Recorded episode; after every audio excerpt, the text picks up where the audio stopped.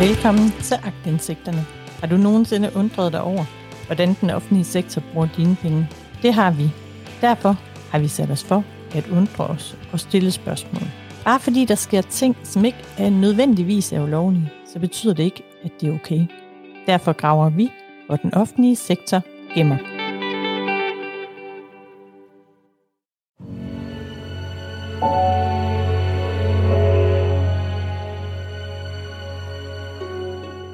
For 41 år siden blev Aalborg Kommune ramt af en stor korruptionsskandale.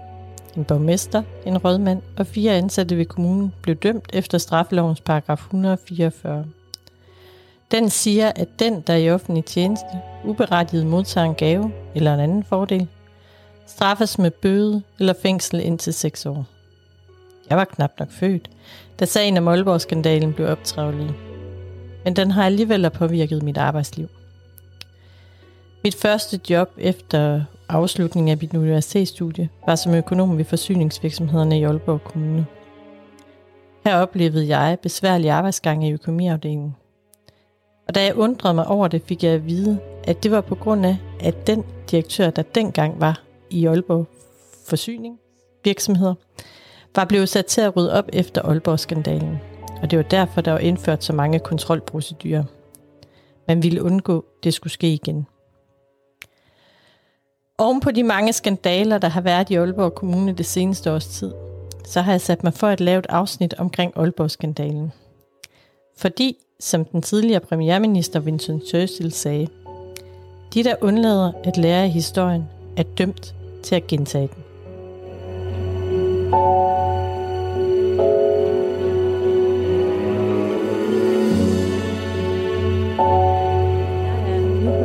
Altså tidligere forsvarsminister Svend Aage Jensby. Han var anklager under sagen med, øh, mod borgmester Marius Andersen. Øh, den, der senere blev kaldt Aalborg-skandalen. Og selvom også det er over 40 år siden, sagen den var for retten, og Marius Andersen blev dømt skyldig og kom i fængsel, skulle tilbagebetale nogle ting og betale sagens omkostninger, så tror jeg stadigvæk, der er rigtig, rigtig meget læring at hente.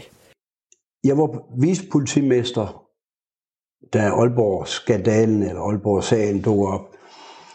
Og øh, den dukker op på den måde, at politimesteren og jeg blev kaldt ned til skattevæsenet. Der har vi heldigvis et lokalt skattevæsen. Og de havde så gennemgået en entreprenørs regnskaber og fundet ud af, at der var givet enorme øh, goder til dels en rådmand og dels nogle ansatte i varmeforsyningen. Og de har lavet sådan nogle fine lister, og ud fra dem kunne jeg bedømme, der var jagtture, fisketure og spiritus og til dæk og lån og hvad ved jeg. Der kunne jeg se, at det måtte være en overtrædelse af straffelovens paragraf 144. Bestemmelsen er rigtig gammel. Den går helt tilbage til 1866, men, men øh, er ændret øh, et par gange i tidens løb. Men essensen i bestemmelsen er, hvis du er ansat i en offentlig stilling eller offentlig erhverv, så må du ikke modtage nogen form for øh, begunstigelser, hvad enten det er det ene eller det andet. Og straffen er i virkeligheden meget streng, for den går helt op til 6 års fængsel.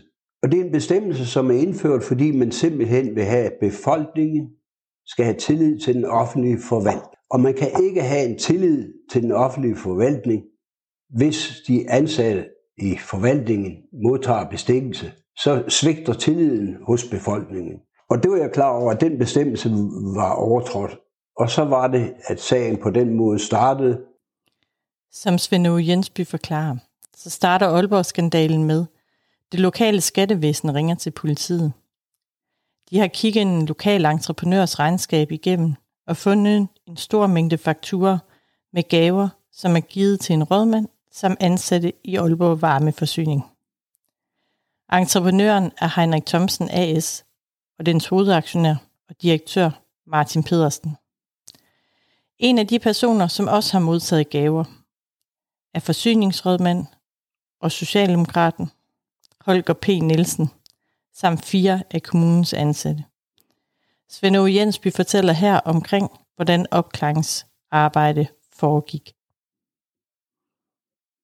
Skattevæsenet har lavet et fantastisk fint stykke arbejde ja. på hver enkelt af dem, der senere blev dømt. Så for politiet var det, var det ret nemt at gå til.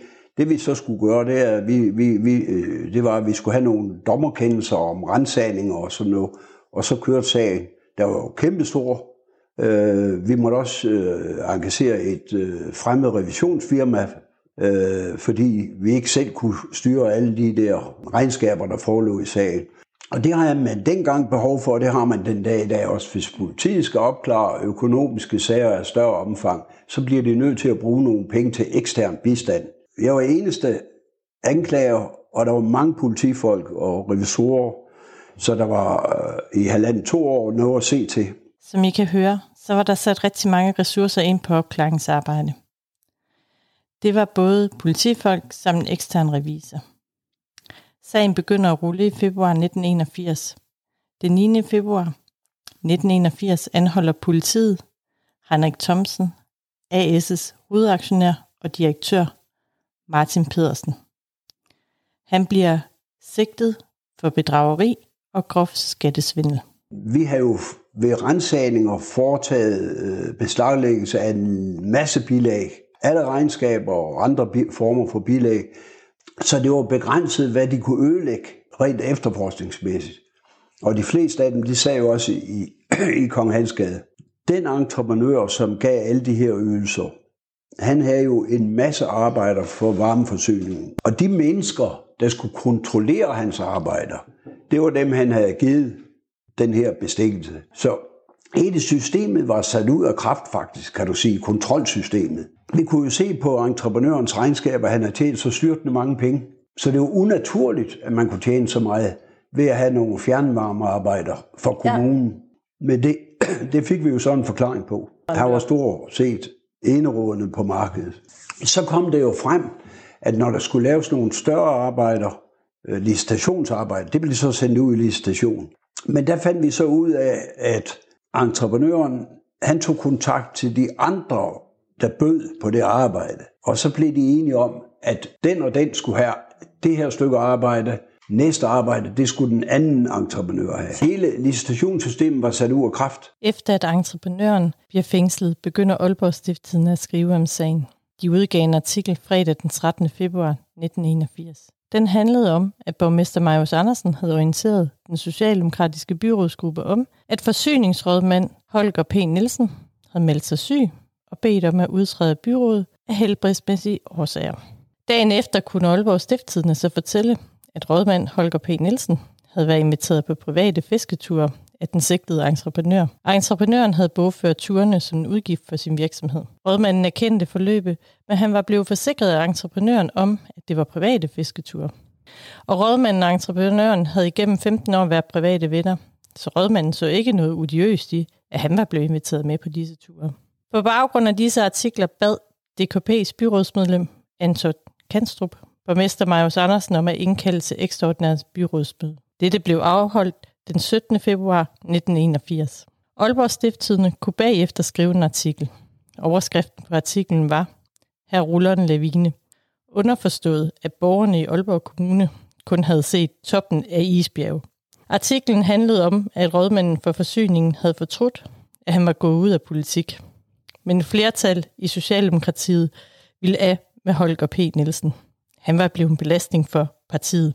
Borgmester Marius Andersen var på dette tidspunkt ikke involveret i Aalborg-skandalen, og han ville heller ikke udtale sig om den. Men det skulle ændre sig i løbet af efteråret 1981. Flere, da vi, da vi efterforskede den her sag, så var der, vi mødte mange, der sagde, jamen, øh, hvor er borgmesteren? Jeg kan bare sige, vi, vi har ikke fundet beviser for, at borgmesteren var involveret. Og der går vel et halvt års tid eller sådan noget, så pludselig er der en, der ringer til mig og siger, jeg har uafviselige beviser på, at borgmesteren er involveret. Den, den kilde, som, som kontakter mig, havde så nogle bilag. Hvordan det var tilvejebragt, det ved jeg ikke. Men dem fik vi. Og det var starten på sagen mod borgmesteren øh, det såkaldte badeværelse. Men det var jo en lille ting, fordi under sagen mod borgmesteren kom det jo frem, at han på en række andre områder havde modtaget betydelige gaver og fordele, som, som han aldrig har betalt for. Men det var meget andet end det der ja. badeværelse. Det var også ombygninger og sådan noget. Ja. Når man som borgmester, eller i hele taget som, som person modtager betydelige ting, så ved man også, at det skal man betale for. Og hvis ikke der kommer en regning, så er der et eller andet galt. Den 20. oktober 1981 bliver en skæbnesvanger dag for borgmester Marius Andersen.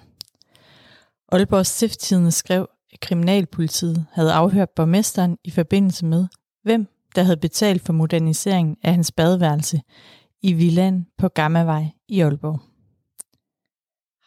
Regningen var i Heinrich Thomsens AS' regnskaber, og den regning var blevet omfaktureret til reparationer af kommunale gas- og vandledninger på Nykastevej. Det var således forbrugerne i Aalborg, så kom til at betale for borgmesterens badeværelse. Byrådsgruppen indkaldte herefter borgmester Marius Andersen til et møde, hvor han fik lejlighed til at gøre rede for de afhøringer, som var blevet foretaget af politiet.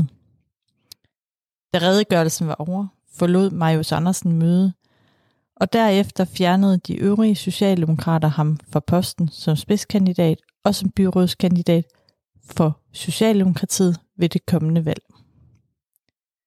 Efter at tænkt som et par dage, så erklærer borgmester Marius Andersen, at han blive på borgmesterposten valgperioden ud. Der var nemlig kommunalvalg cirka en måned senere. Marius Andersen stillede op til kommunalvalget, fordi han havde dannet sin egen liste, nemlig Aalborg-listen. Som sagt er der to hovedretssager i Aalborg-skandalen. Den ene retssag var mod entreprenøren, mod rådmanden og de fire ansatte i Aalborg Kommune. Den retssag kører ind tre instanser. Det vil sige, de bliver dømt skyldige i byretten den 11. marts 1982, cirka et års tid efter skandalen bliver kendt af offentligheden. Sagen kører herefter i landsretten fem måneder efter, og den 5. juli 1982 bliver der afsagt dom, hvor de tiltalte også her bliver dømt skyldige. Højesteret afsiger dom den 3. oktober 1982. Og med den dom bliver der endelig sat punktum i sagen mod entreprenøren, rådmanden og de fire ansatte i Aalborg Kommune. Entreprenøren straffes med fængsel i fire år og en tillægsbøde på 3 millioner med forvandlingsstraf af fængsel i 6 måneder. Desuden skulle han betale erstatning til Aalborg Kommune. De fire ansatte ved varmeforsyningen har modtaget bestikkelse for beløb mellem 1800 kroner til 78.000 kroner. Den ene ansatte blev fængslet i et år, mens de tre andre fik betinget fængselsdomme. Den nu tidligere forsyningsrådmand fik et års fængsel og var blevet erklæret skyldig i at have modtaget bestikkelse for 124.835 kroner. Svend O. Jensby fortæller her omkring landsrettens strafudmåling til Holger P. Nielsen. Rådmanden fik en meget streng straf, og der har landsretten og højesteret også øh, direkte sagt, at han som politisk øverste leder af en stor forvaltning, så var han med til at nedbryde tilliden til hele forvaltningen på grund af de begunstigelser, han har fået. Og det synes jeg er, er, utrolig godt udtrykt af landsretten og højesteret. Som jeg tidligere fortalte, så var der to retssager i Aalborg-skandalen. Tidligere vicepolitimester Svend Jensby var anklager i byretten i begge sager. Sagen mod den nu tidligere borgmester Marius Andersen kørte i byretten i efteråret 1982 her i Aalborg. Og det var også et år efter, at den side af sagen var blevet trævet op. Retssagen foregik dengang i retslokalet ved Aalborg Arrest. Og her vil Svend Jensby fortælle om retssagen og omstændighederne, da dommen blev afsagt. Der var stort set fyldt hver eneste dag. Ja, men der, der var mange, der sad og hørte på det. Jeg, jeg, jeg kender en ældre dame, som øh, jeg tror, hun var til samtlige retsmøder. Hun synes, det var meget spændende at høre på det her. Da borgmesteren, der blev afsagt om i, i hans sag, var han ikke selv til stede, og, og jeg tror heller ikke, at hans forsvar var der, men så havde forsvaren så sendt en repræsentant. Men altså, jeg kan jo sådan set godt forstå, at borgmesteren helst ville være væk, for det, øh, pressen var jo enorm øh, voldsom. Så hvis borgmesteren havde været der, så var han jo blevet overfaldet, øh, om jeg så må sige, af pressen. Den 20. august 1982 idømmes den tidligere socialdemokratiske borgmester, Marius Andersen, 6 måneders fængsel, samt 60.000 kroner og konfisk- i konfiskation af de gaver, som retten mente, han uretsmæssigt havde modtaget. Og dertil skulle han betale sagens omkostninger. Han valgte ikke at appellere dommen, og de seks måneder i fængsel blev til fire måneders fængsel, og de blev afsonet efteråret 1982 og vinteren 1983. Der var ingen tvivl om, at straffen til politikeren og de ansatte i varmeforsyningen, som havde modtaget bestikkelse, var hård. Men spørgsmålet er, om det stadigvæk kan ske den dag i dag. Der var et par domme. Øh, når der ikke har været flere, så er jeg bange for, at det er fordi, de ikke har været opdaget, de sager. Vi betrådte faktisk øh, ret ny jord øh, i den her sag. Den mindste mindst belastede af de offentlige ansatte, det var en, som havde fået for ca. 1800 kroner, og så havde lånt 1500 kroner af entreprenøren. Og han blev også dømt i højesteret. Så efterhånden så har vi fået lidt bredere retspraksis, som viser, at der skal ikke ret meget til, hvis du er offentlig ansat eller gør tjeneste i offentlig erhverv, før du kan blive dømt. Men, men det viser, hvor lidt der skal til. Vi har jo altid i, i politiet været ekstremt varsomme med at modtage noget som helst. Og det har jeg sagt i hele min tid. Vi vil ikke have noget begunstigelser af nogen art. Og sådan kunne jeg håbe, at det var i, i al offentlig forvaltning. Fordi reglen er streng, og retspraksis er streng. Men, øh, men jeg ved ikke rigtig, hvordan det fungerer i vores offentlige sektor i dag. Jeg kan bare sige, at da sagen var færdig, der var der en af forsvarerne, der sagde til mig, ved du hvad, sådan en sag skulle vi have hver tiende år, for det vil nok minde de offentlige ansatte om, hvor forsigtige de skal være. Og det var altså en af forsvarerne, der sagde det jo. Jeg er helt enig med ham.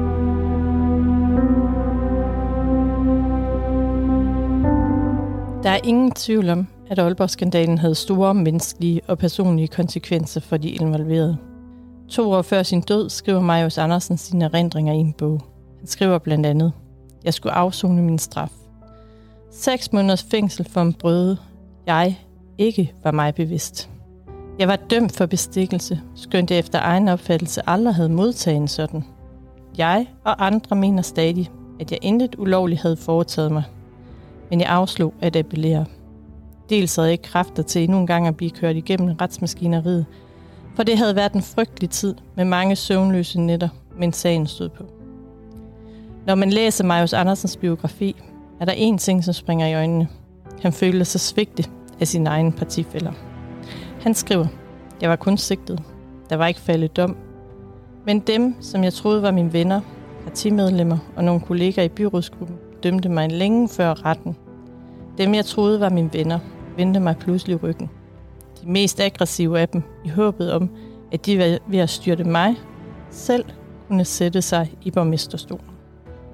Aalborg-skandalen havde nogle meget store konsekvenser, og retssystemet kan virke hård, når det handler om bestikkelse.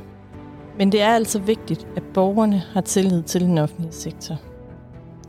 Den offentlige sektor skal varetage alle borgers interesser, og ikke kun få borgers interesse på bekostning af de mange. Det galt dengang i starten af 1980'erne, hvor Aalborg-skandalen rullede, men det gælder også den dag i dag. Derfor er det rigtig vigtigt, at de sager kommer frem, hvor der kan stilles spørgsmålstegn ved en kommune eller en politikers ageren.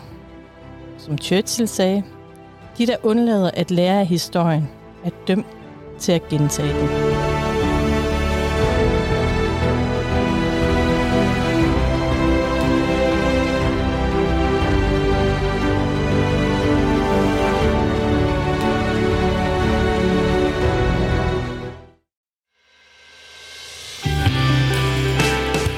Tak fordi du lyttede med til dette afsnit af Agtindsigterne.